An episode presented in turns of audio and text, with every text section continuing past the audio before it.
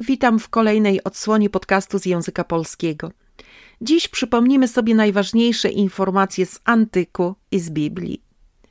Prawdopodobieństwo wystąpienia antyku i Biblii na maturze jest bardzo duże. Dlaczego? Ano dlatego, że antyk i Biblia są wszechobecne w kulturze Europejczyków. Tam nasze początki, tam nasze źródła. No to zaczynajmy, ale najpierw intro. To jest Matura na Maxa. Podcast z języka polskiego dla maturzystów. Prowadzi egzaminator Marta Zdanowska. Notatki z bieżącego odcinka znajdziesz na www.wielkapowtórkamaturalna.pl Zaczniemy od nazwy epoki. Tutaj funkcjonują dwa określenia. Antyk, starożytność.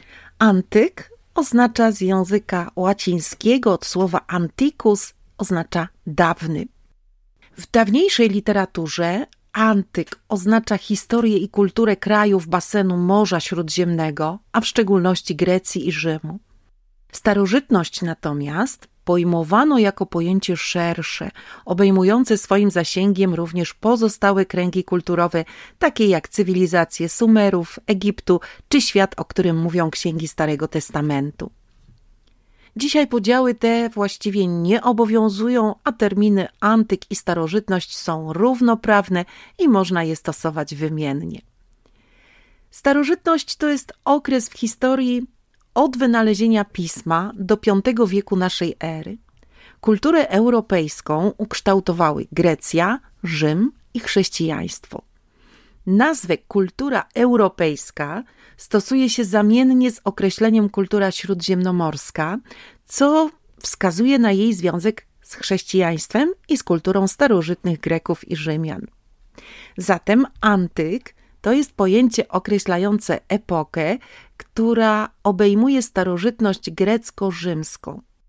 Ona zaczyna się od powstania pierwszych utworów literackich pochodzących z około VIII wieku przed naszą erą, czyli od eposów Homera, Iliada i Odyseja. Natomiast Biblia powstała w innym kręgu kulturowym, wśród Żydów, głównie w Palestynie, mniej więcej od XIII wieku przed naszą erą do I wieku naszej ery. I jej wpływ w świecie śródziemnomorskim zaznaczył się za pośrednictwem chrześcijaństwa pod koniec starożytności. Warto zapamiętać, że najsilniej chrześcijaństwo wpłynęło na kulturę europejską nieco później, to znaczy w okresie średniowiecza. Biblia i mitologia są nieocenioną skarbnicą fabuł, motywów literackich, postaci, symboli, frazeologii i inspirowały twórców późniejszych epok literackich. Jeśli chodzi o czas trwania epoki, epoka trwała około 1300 lat, czyli 13 wieków. Oczywiście troszeczkę różnie w poszczególnych krajach.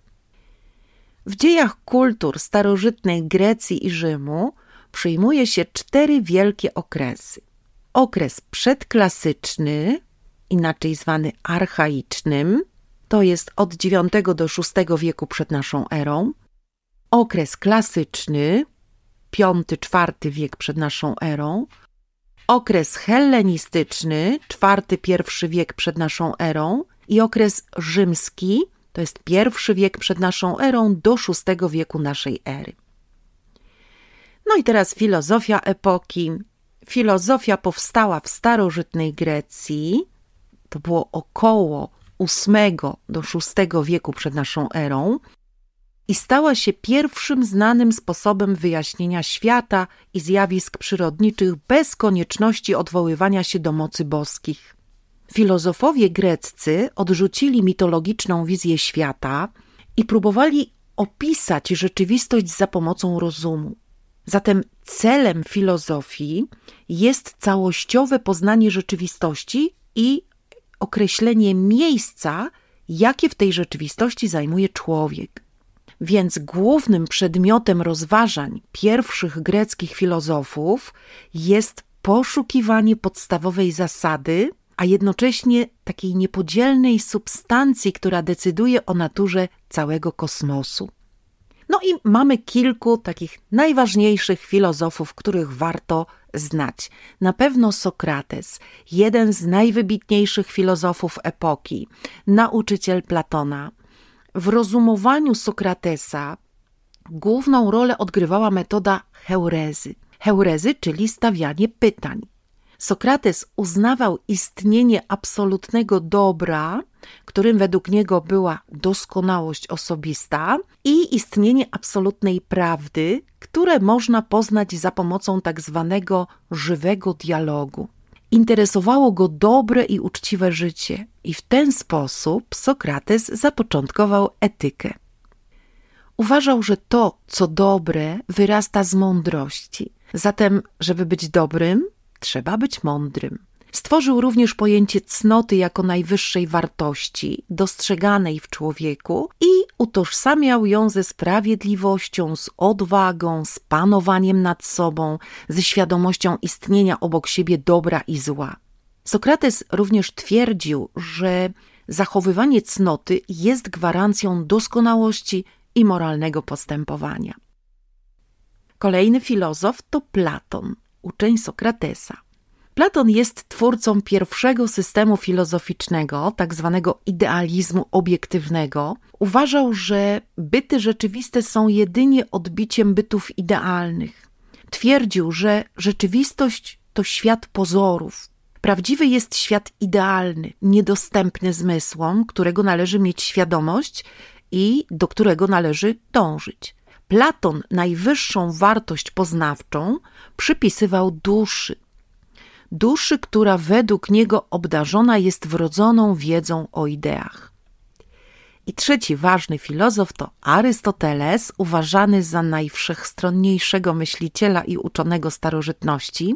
Arystoteles zajmował się no właściwie wszystkimi ówczesnymi dziedzinami wiedzy. W dziedzinie etyki wprowadził pojęcie ideału, do którego człowiek powinien dążyć. Za szczęście Arystoteles uważał czynienie dobra i życie w cnocie. Stworzył również etykę złotego środka, czyli poszukiwanie umiaru we wszystkim, co człowiek czyni.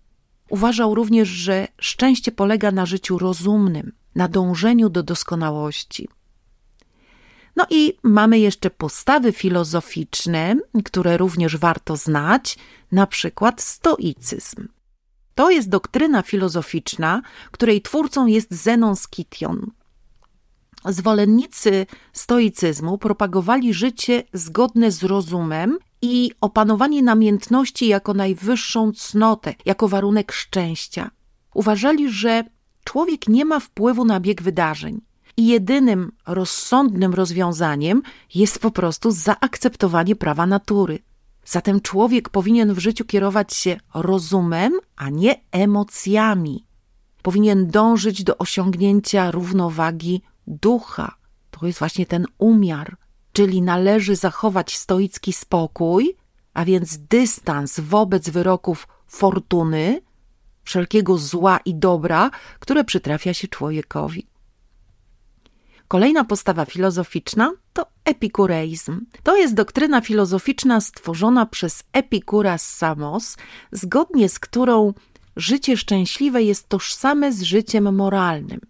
Za szczęście epikurejczycy uznawali brak cierpienia. I w literaturze pod nazwą epikureizmu kryje się często dążenie do korzystania z uciech życia, ale z umiarem czyli dobre życie polega na doznawaniu przyjemności. Podstawową przyjemnością jest radość życia, brak cierpienia, ale uwaga, należy korzystać z każdej chwili. Tu mamy to hasło Horacego Carpe diem, chwytaj dzień. Nie należy bać się śmierci, bo dopóki jesteśmy, nie ma śmierci. A gdy ona przychodzi, nie ma nas. Kolejna postawa to hedonizm, to jest nurt filozoficzny, którego twórcą jest Arystyp z Cyreny i nazwa pochodzi od greckiego słowa hedone, które znaczy rozkosz. Hedoniści po prostu uważali rozkosz cielesną za jedyny cel życia człowieka i taki główny motyw ludzkiego postępowania. Więc najwyższym dobrem i celem życia człowieka są według nich przyjemności. Ważne są te doznania teraźniejsze, to, co było i to, co będzie, zupełnie nie ma znaczenia. Kolejna postawa sofiści. Sofiści uważali, że prawdy obiektywne nie istnieją. Dalej, sceptycy. Ci zwracali uwagę, że nie wiemy, jaka jest naprawdę rzeczywistość, bo wszystko jest względne, więc powinniśmy się powstrzymywać od wydawania o niej sądów. I cynicy, którzy kwestionowali, bojkotowali wszelkie normy społeczne. Uważali, że nie ma społeczeństwa, są tylko indywidualne jednostki. Cechy literatury antycznej to na pewno mimezis, czyli naśladownictwo, a więc dzieło obrazuje rzeczywistość, przedstawia prawdopodobnego bohatera, z którym odbiorca może się utożsamiać.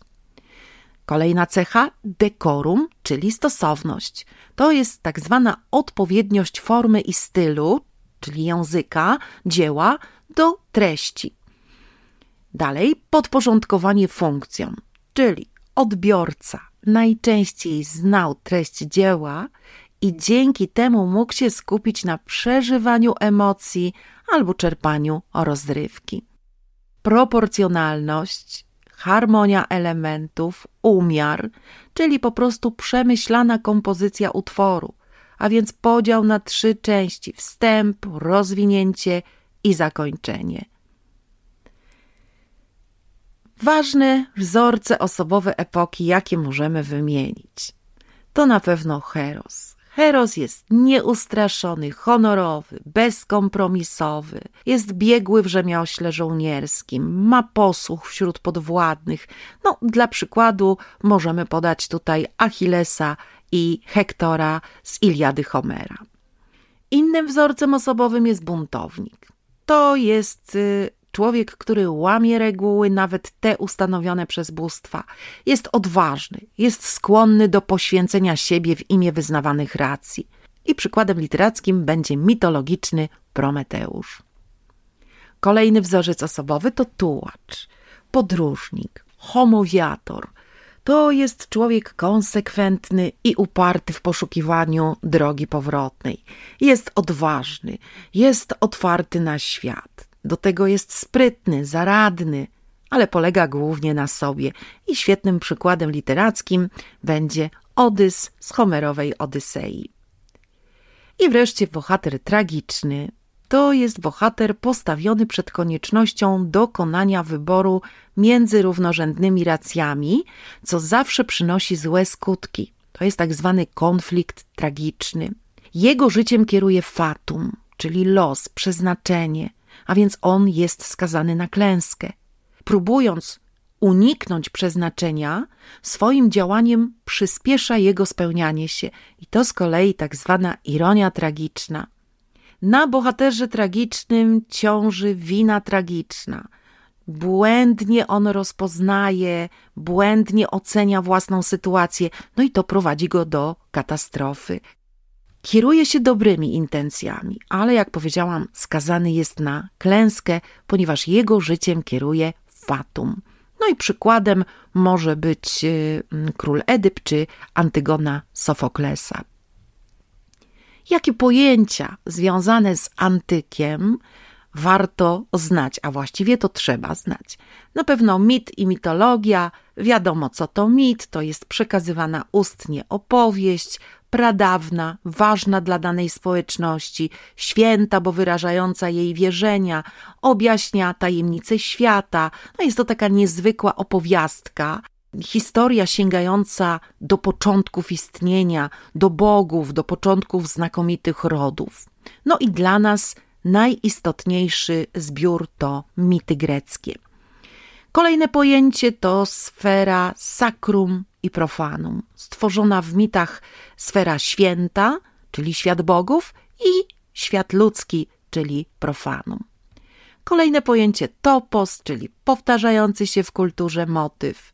Etos po grecku znaczy po prostu obyczaj, ale warto pamiętać, że dla nas oznacza coś więcej.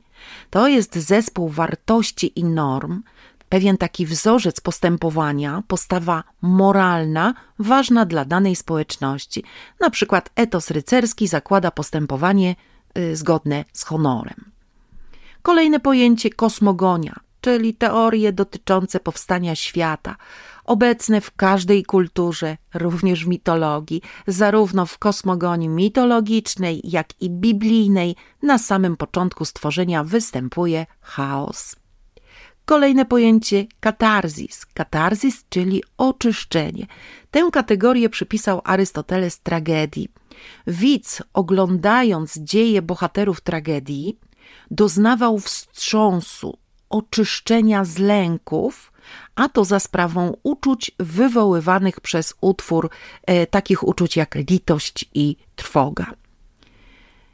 Tragizm, czyli istota tragedii antycznej, i tu już wymieniony konflikt tragiczny i ironia tragiczna. Antyk jest fundamentem kultury europejskiej. Rozwija się tutaj literatura na gruncie mitologii. Tu mamy narodziny teatru, rozwija się architektura i sztuka, powstaje klasyczny ideał piękna, rozwijają się szkoły filozoficzne, demokracja i społeczeństwo obywatelskie. Mamy ideał człowieka, piękny i dobry, czyli kalokagatia. No i powstają fundamenty prawa i organizacji państwa. Teraz przejdźmy do Biblii. Jeśli chodzi o nazwę Biblia z języka greckiego, Biblion, to jest księga, zwój papirusu. Jest to zbiór ksiąg dzielących się na Stary i Nowy Testament. Jest to święta księga religii żydowskiej, Stary Testament, i chrześcijańskiej.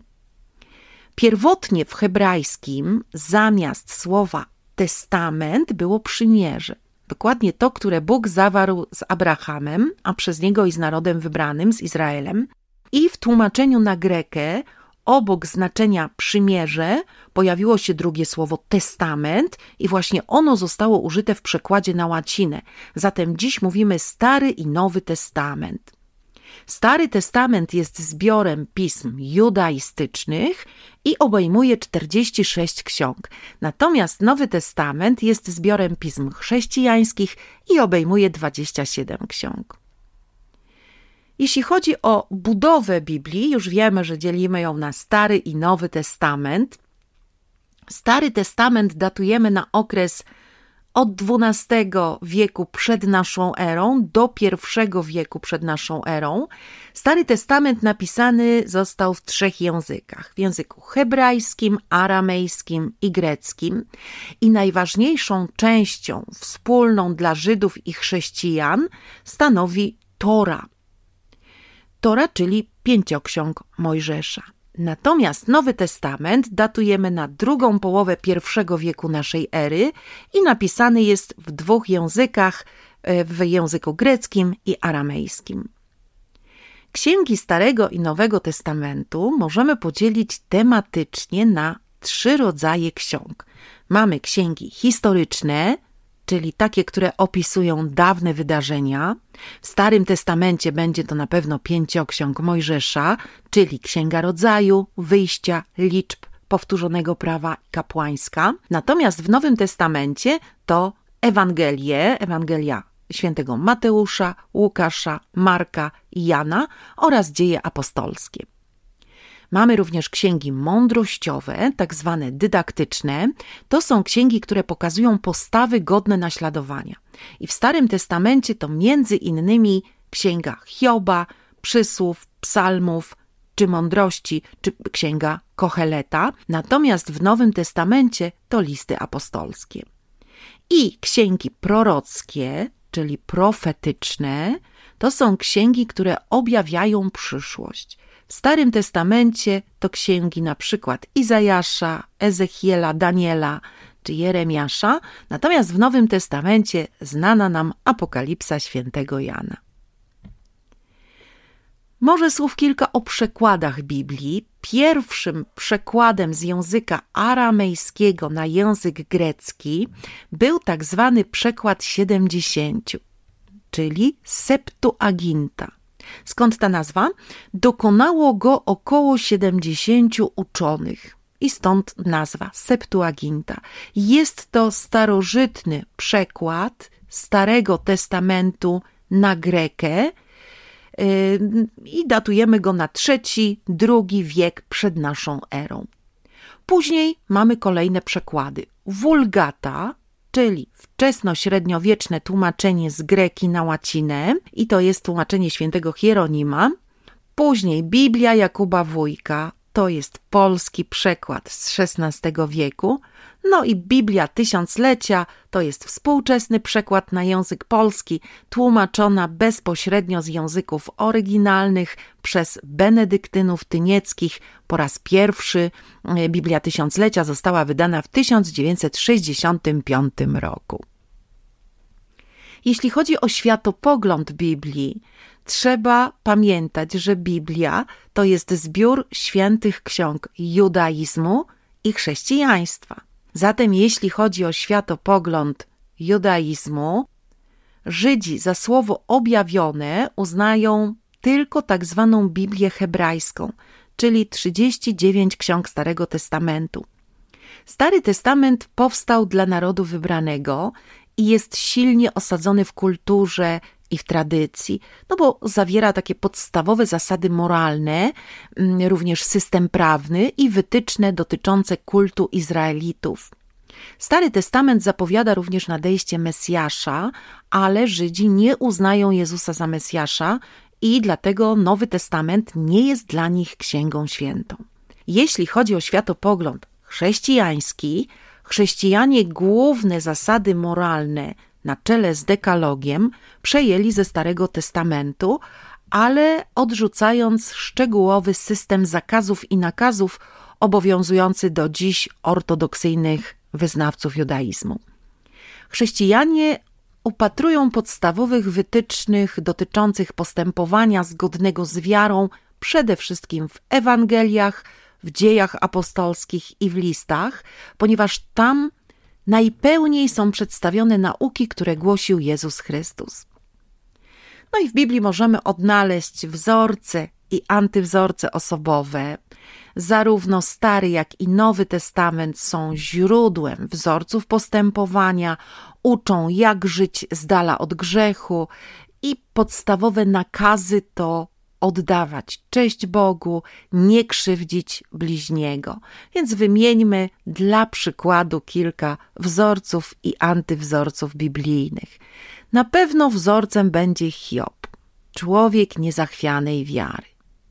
Dawid, człowiek, który potrafił pokonać silniejszego. Salomon, wzór mądrości. I Samarytanin, człowiek dbający o innych, to taki altruista. Natomiast antywzorcem będzie na pewno Kain, bratobójca, Herod, despota, człowiek okrutny, żądny władzy, Judasz, zdrajca. I Piłat, który uchyla się od odpowiedzialności. Jeśli chodzi o cechy stylu biblijnego, warto pamiętać, że ten styl charakteryzują częste apostrofy, wykorzystanie trybu rozkazującego, przestawny szyk, liczne powtórzenia, alegoryzmy, podniosły, uroczysty ton, zwięzłe, dosadne słownictwo, krótkie zdania, często rozpoczynane przez spójniki, sentencje, aforyzmy, no i oczywiście wykorzystywanie symboli i przypowieści do zilustrowania przekazywanych prawd. Są jeszcze pewne kwestie, których nie można nie znać, dlatego wymieńmy ważne pojęcia związane z Biblią. Na pewno dekalog. Jak pamiętamy, dekalog to dziesięć Bożych przykazań, które zostały przekazane za pośrednictwem Mojżesza, czego opis znajduje się w Księdze Wyjścia. Znaczenie dekalogu dla całej późniejszej kultury europejskiej jest niepodważalne. Na zawartych w nim nakazach opierają się również współczesne, podstawowe zasady moralne.